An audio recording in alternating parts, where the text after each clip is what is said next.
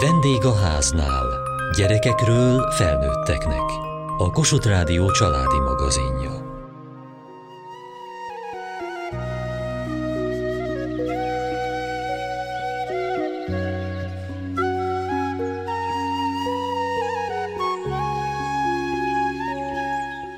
Nem lehet pusztán egyéni felelősség a kiégés kezelése, még akkor sem, ha személyesen sokat tehetünk annak megelőzéséért. A szervezeti működések és megoldások sokkal nagyobb befolyással bírnak a kiégés folyamatára, mint gondolnánk. S mindez nem csak az egészségügyben jelenlévő állapot. Kutatási eredményeket és jó gyakorlatokat ismerhettünk meg a Magyar Pre- és Perinatális Pszichológiai és Orvostudományi Társaság idei kongresszusán. Dr. Tari Gergely bioetikus, a Szegedi Tudományegyetem Magatartástudományi Intézetének adjuntusa. A morális distressz egy olyan téma, amit már az 1980-as évek közepe óta leírtak, és azokat a helyzeteket írja körül ez a jelenség, amikor egy egészségügyi dolgozó tudja azt, hogy mi lenne az erkölcsileg helyes, de ezt képtelen valamilyen intézményes ok miatt, külső vagy belső okokból kivitelezni. És ez ébreszt benne egy olyan érzelmi reakciót, ami dűvel, csalódottsággal, kilátástalanság érzéssel jár együtt. Egy kutatócsoportot alkottunk meg Szegeden, az Egészségtudományi Főiskolán, illetve a Szent Györgyi Albert Orvostudományi Kar együttműködésében, és a célunk az lenne, hogy megértsük, hogy a hallgatók között a hallgatói szerepkonfliktusokból um, hogyan ragadhatjuk meg ezt a jelenséget, mert ez nem csak az egészségi dolgozókat, de a hallgatókat is érinti, hiszen létezik egy olyan fogalom, hogy nyílt és rejtett kurikulum. A nyílt kurikulum jelenti azokat a leírt és átlátható erkölcsi szabályrendszereket, amikhez a hallgatónak idomulnia kell. Ezeket tudjuk mi is oktatni oktatóként. Ennek ellenére viszont a klinikai kép gyakran nem tükrözi ezt vissza, hogy hogyan működnek ezek az etikai parancsok, ezek az erkölcsi értékek. És azt tapasztaljuk hallgatói esetleírásokból, hogy eltérő mértékben ugyan, de az ország különféle pontjain a hallgatók beleütköznek azokba a helyzetekbe, amikor olyan szituációkba keverednek, amikről nyíltan tudják, hogy nem felelnek meg ezeknek a nyitott etikai elvárásoknak. Mond egy példát. Például az, amikor a hallgatók nincsenek teljes mértékig tisztában azzal, hogy az a beteg, akinek a vizsgálatánál jelen vannak, ő hozzájárulását adta előzetesen ahhoz, hogy a betegvizsgálatkor orvostanhallgatók, ápolástanhallgatók, vagy más egészségügyi, leendő dolgozók jelen legyenek. Mert a legtöbb esetben a beteget tájékoztatni kell és engedélyt kell kérni arról, hogy a betegvizsgálatkor nem csak már végzett egészségügyi dolgozók vannak jelen, hanem az egészségügyi dolgozóknak is van egy oktatási kötelezettség a betegellátás mellett, és ezt nem lehet másként elérni, mint sem, hogy ugye az orvostan hallgatók is jelen vannak ezeknél. És akkor ez csak ezen múlik, hogyha egy tájékoztatás van és jön egy beleegyezés, akkor ez már sokkal kisimultabban történhetne minden résztvevő számára. Abszolút. Egy ilyen transzparens helyzet ez leegyszerűsíti a betegellátó oktató kolléga, az orvostanhallgató és a beteg helyzetét is. Legtöbbször az a tapasztalat egyébként, hogy ezzel nincsen országos szintű komoly súlyos probléma. Az oktató kollégák is tisztában vannak azzal, hogy engedélyt kell kérni, és a legtöbbször, ha elmagyarázzák a betegnek, hogy mi fog történni, milyen célból van jelen a hallgató a betegvizsgálatnál, ne adj Isten mondjuk engedélyt kérnek, hogy a betegvizsgálatot az orvostan hallgató is elvégezhesse, akkor egy ilyen komplex és érthető nyelvezetű tájékoztatás ezeket az ellenérzéseket is mérsékli, és hozzájárulnak a betegek ahhoz, hogy megtörténhessen a jelenlét és akár egy betegvizsgálat is nem tekinthetjük ezt általánosnak a mai napig. Én úgy gondolom, hogy az, hogy az orvosi etika oktatás Magyarországon per pillanat egy kis reprezentáltan jelenik meg a képzés és kimeneteli követelmények szempontjából, nem biztos, hogy megfelelő helyen van a klinikai képzésben a hallgatók etikai tudásának a kiművelése. Én úgy gondolom, mint etikát oktató szakember, hogy nagyon fontos lenne az érzékenyítő preklinikai első, másod, harmadéves kurzusok mellett a végzés időpontjához, a diplomaszerzés időpontjához is etika oktatást igazítani, illetve a rezidens képzésben is nagyobb hangsúlyt fektetni ezeknek a abszolút skill központú, készségcentrikus tantárgyaknak az oktatására.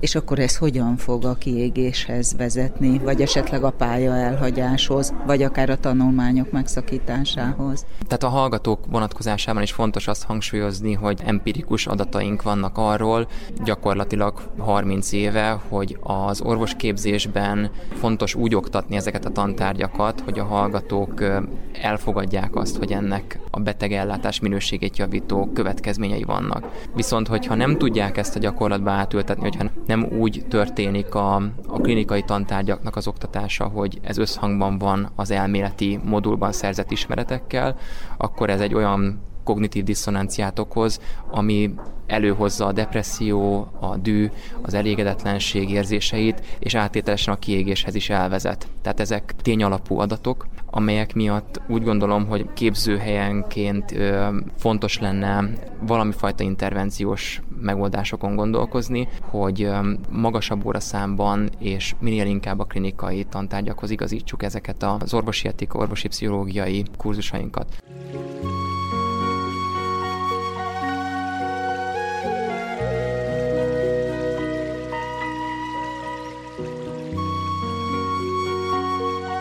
Dr. Percel Kristóf, anesteziológus a Betesda gyermekkórházban az ellátók traumáiról beszélt, és hát egy intenzív terápiás ellátásban azt hiszem laikusként is feltételezhetjük, hogy ott a traumáknak egy terepe fedezhető föl, vagy élhető át akár a mindennapi munkájuk során. Ön hogy éli ezt át, és az előadásában mit tartott fontosnak ebből kiemelni? Azt hiszem, hogy, hogy az előadásban számra a legfontosabb téma az valóban az, hogy az egyéni és a, a szervezeti szintű, meg társadalmi szintű kérdések hogyan kapcsolódnak össze.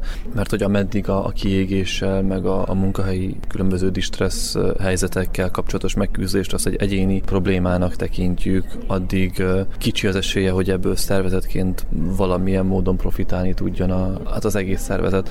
Mert hogy ugye egyrészt ugye könnyen lehet egy ilyen cinikus reakciója a munkavállalók diákoknak arra, hogy az ő kiégésükkel kapcsolatos megelőzés, meg az ő kiégésükkel kapcsolatos tréningeket kínál úgymond a munkaadó, hogyha azt élik meg, hogy van egy elidegenedettség közöttük, hogyha nem azonosak a célok, az értékek, nem érzik magukat megbecsülve, akkor könnyen mehet ez abba az irányba, hogy cinikus érzéseket, meg cinikus reakciókat vált ez ki, hiszen miért próbáljak én munkavállalóként úgymond még többet tenni azért, hogy még többet dolgozhassak, meg még hosszabban úgymond jobb teljesítmény juthassak egy olyan munka munkaadónak, akivel távolinak érzem meg a kapcsolatot, hogy ilyen kihasználást élek meg. És én ezért tartom ezt a 2017-es a feltékféle vizsgálatot ennyire izgalmasnak és relevánsnak, mert én itt találkoztam először azzal a jól végig gondolt gondolati keretben azzal, hogy ez hogyan lehet egy megosztott felelősségnek a tere. Ez egy Mayo Klinikán az Egyesült Államokban dolgozó munkacsoportnak a tanulmányaként jelent meg, akik azzal foglalkoztak, hogy hát ugye sok szó esik a kiégésről, de nézzük meg azt, hogy egyrészt mi lehet ennek egy fogalom párja, tehát ugye nehezebb valamitől elfele, mint valami fele haladnunk, tehát hogyha látjuk, hogy mi a cél az ellentét fogalomként, akkor az egy jobb pozícióba helyez bennünket, és így alkották meg az, az elkötelezettségnek a fogalmát, mint a kiégésnek a fogalom párját, ahol ugye a kiégésben tapasztalható ugye egyéni érdektelenséggel szemben egy odaadott munkavállaló jelenlét van, a egyéni hatékonyság élményének a hiánya, ami a kiégésnek egy fontos vetülete helyett egy átélhető flow van, ahol meg tudja élni az illető azt, hogy képességeit jól használva releváns feladatokat tud megoldani. Azt nézték ők meg, hogy mik azok a változtatások egy munkahely szintjén, amik lehetővé teszik azt, hogy az ő gárdájuk az, az egyre inkább egy elkötelezett és ne egy kiégett gárda lehessen. És amit ők találtak, az hét darab faktort azonosítottak ennek a hátterében, olyanokat, mint a nyilván ami a, a munkaterhelésnek a mennyisége, de ugyanígy mondjuk az ennek a rugalmassága, vagy a beosztás az időbeosztás fölött, meg a felatelosztás fölött gyakorolt kontrollnak a foka, a munkahelyi társas támasz, mint egy kiemelkedő fontosságú faktor, az elérhető erőforrások, a munka értelmessége, az, hogy mennyire van szinkronban, a szervezeti érték és az egyéni értékek mennyire, mennyire vannak szinkronban, és azt látták, hogy ezeknek a faktoroknak bármilyen negatív irányú változása az inkább kiégéseire fog hajlamosítani, és a fele fogja vinni a folyamatokat, míg ezekben bármilyen pozitív irányú elmozdulás a kedvező elmozdulások, azok pedig a, az elkötelezett munkavállalókat fogják inkább megteremteni, vagy a fele fogják vinni a munkahelyi közösséget.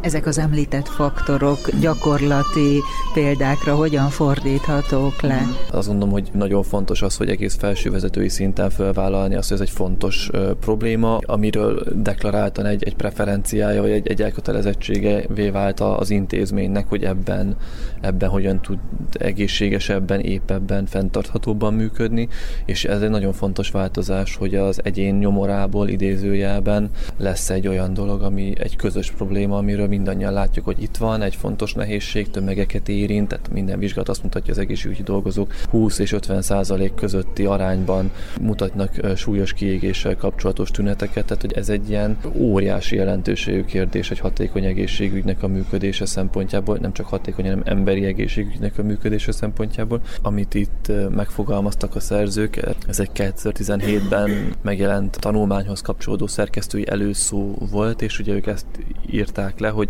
azt mutatják a vizsgálatok, hogy az intenzíven dolgozó szakembereknek, nővéreknek, orvosoknak, gyerekellátóknak, felnőttek látóknak egyaránt nagyon magas a kiégettség, illetve hát a posztraumás stresszavarban való érintettségének az aránya. Ez ilyen 30-50 százalék között adódott a legtöbb vizsgálatban, így nagyjából helyszíntől függetlenül. És hogy, hogy ami nagyon meglepő volt és érdekes volt, hogy ez nem látszott semennyire se összefüggeni a bent ellátott betegeknek a súlyosságával, meg halálozási rátájával. De hogy úgy tűnik, hogy ez nem egy igazán szignifikáns összefüggés, hanem sokkal inkább a munkahelyi légkör, a munkaterhelésnek a mennyisége, az a fölött megjött kontroll, a munka-magánélet viszonya, az öngondoskodásnak a lehetőségei, a kollégákkal való viszony, közvetlen főnökkel való viszony, ezek adódnak. És az, ez gondolom, ez azért fontos, mert itt könnyen el tudunk ezen a ponton szakadni az intenzív osztályoknak a szűk világától, és ez gyakorlatilag kezdve minden munkahelyre általánosítható, mert hogy azt jól tudjuk, hogy a kiégés abszolút nem, nem hogy az intenzív, de nem csak egy egészségügyi probléma, hanem ez egy nagyon-nagyon általános jelenség abban a világban, amiben élünk, és hogy ezek a szempontok úgy gondolom, hogy, hogy területtől függetlenül minden munkaadó és minden munkavállaló számára végig gondolandó szempontok, hogyha egy olyan csapatban szeretnének dolgozni, amely képes fejlődni, amelyben az emberek jól érzik magukat, és ezáltal egyébként amúgy valószínűleg a teljesítményük javát is képesek hosszú távon nyújtani. Én azt látom, meg azt élem meg, hogy a jelenlegi munkahelyemen ezek közül a fettelek közül nagyon sok minden teljesül. Nekem ez, ez egy nagyon frissítő élmény. Nem régóta dolgozom Betesda kórházban, és azt látni, hogy a most említett tényezők közül nagyon sokra nagyon komoly vezetői, meg közvetlen főnöki figyelem is van. Továbbképzések formájában, szabadidős lehetőségek formájában, könnyen elérhető jó minőségű étkezés formájában, ezek, ezek olyan dolgok, amik nagyon-nagyon sokat jelentenek, és ilyen napi apróságok, amik így összeadódnak, azt gondolom egy hangulattá.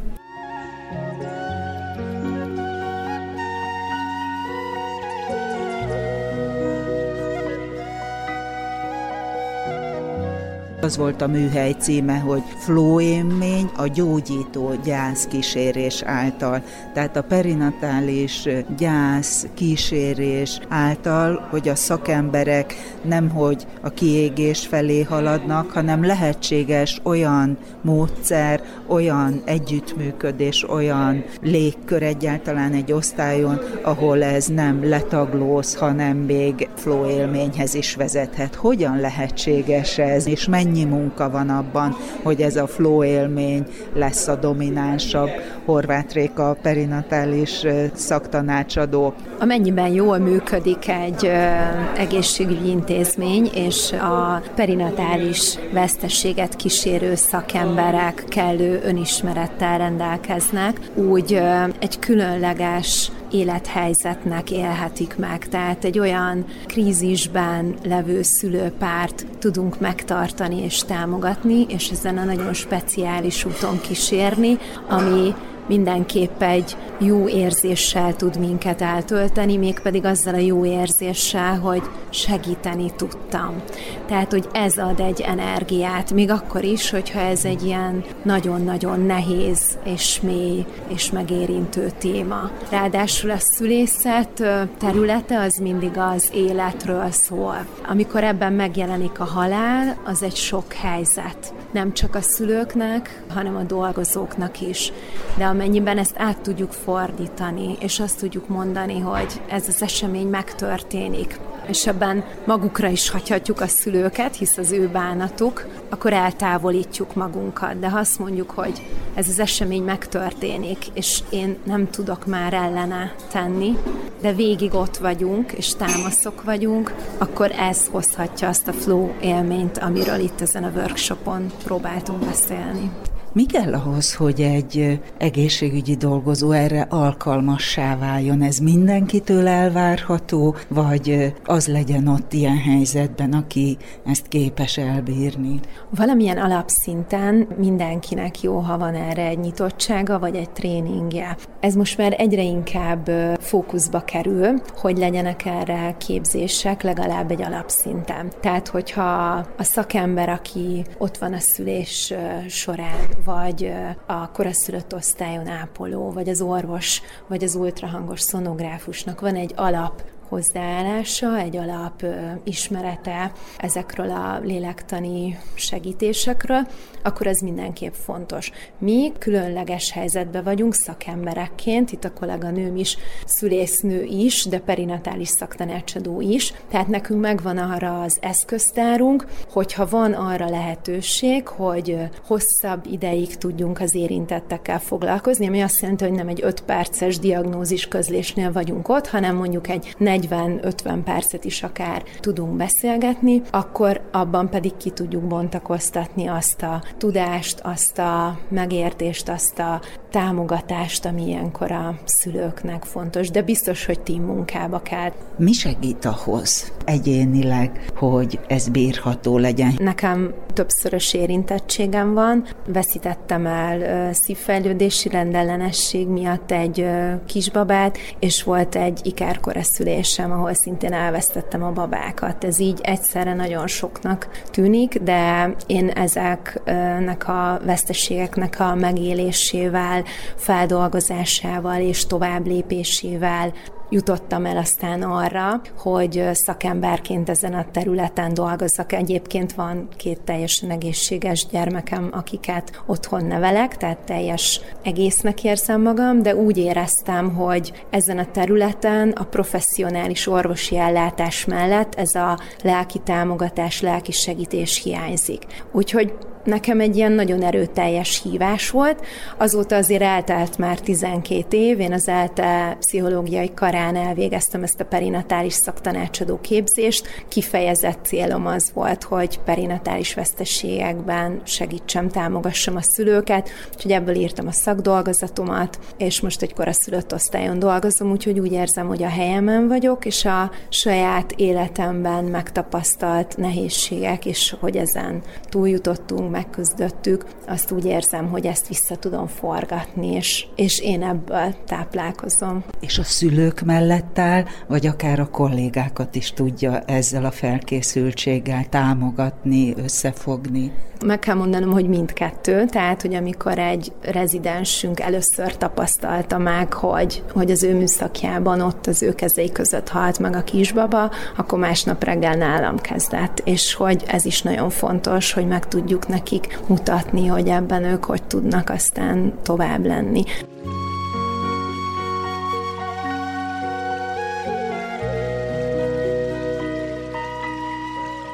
Önszülésznőként a saját történetébe is beengedett egy picit ezen a workshopon, hogy honnan indult és hol tart most, mi volt az első élménye, amikor ilyen helyzettel találkozott.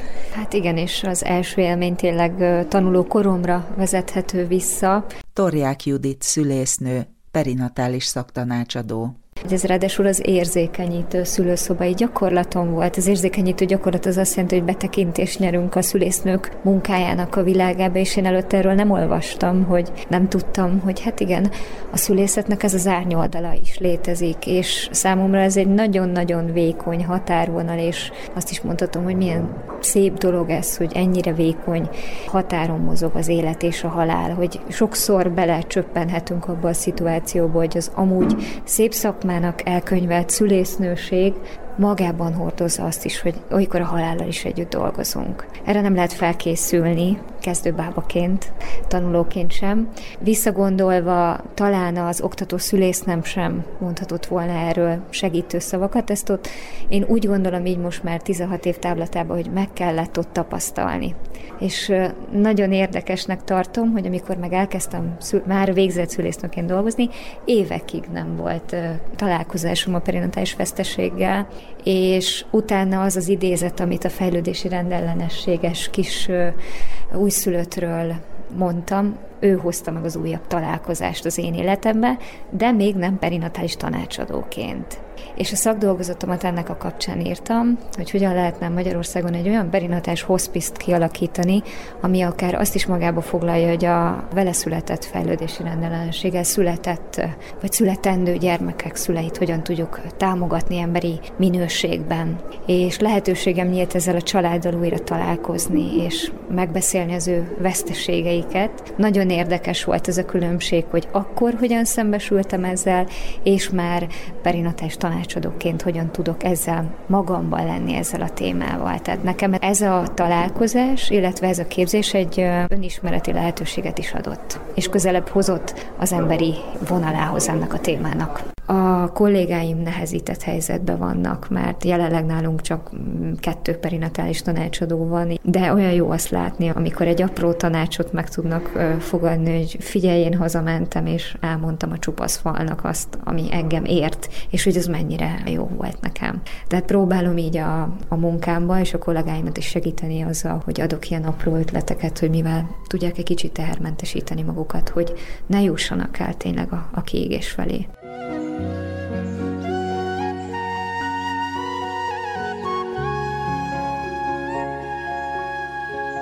Kiégés vagy elköteleződés. A szülés körül dolgozó szakemberek számára szerveztek konferenciát. Kövessék műsorunkat podcaston, vagy keressék adásainkat a mediaclick.hu internetes oldalon. Várjuk leveleiket a vendégháznál kukac mtva.hu e-mail címen. Műsorunk témáiról a Kossuth Rádió Facebook oldalán is olvashatnak. Elhangzott a vendégháznál. A szerkesztő riporter Szendrei Edit, a gyártásvezető Mali Andrea, a felelős szerkesztő Hegyesi Gabriella.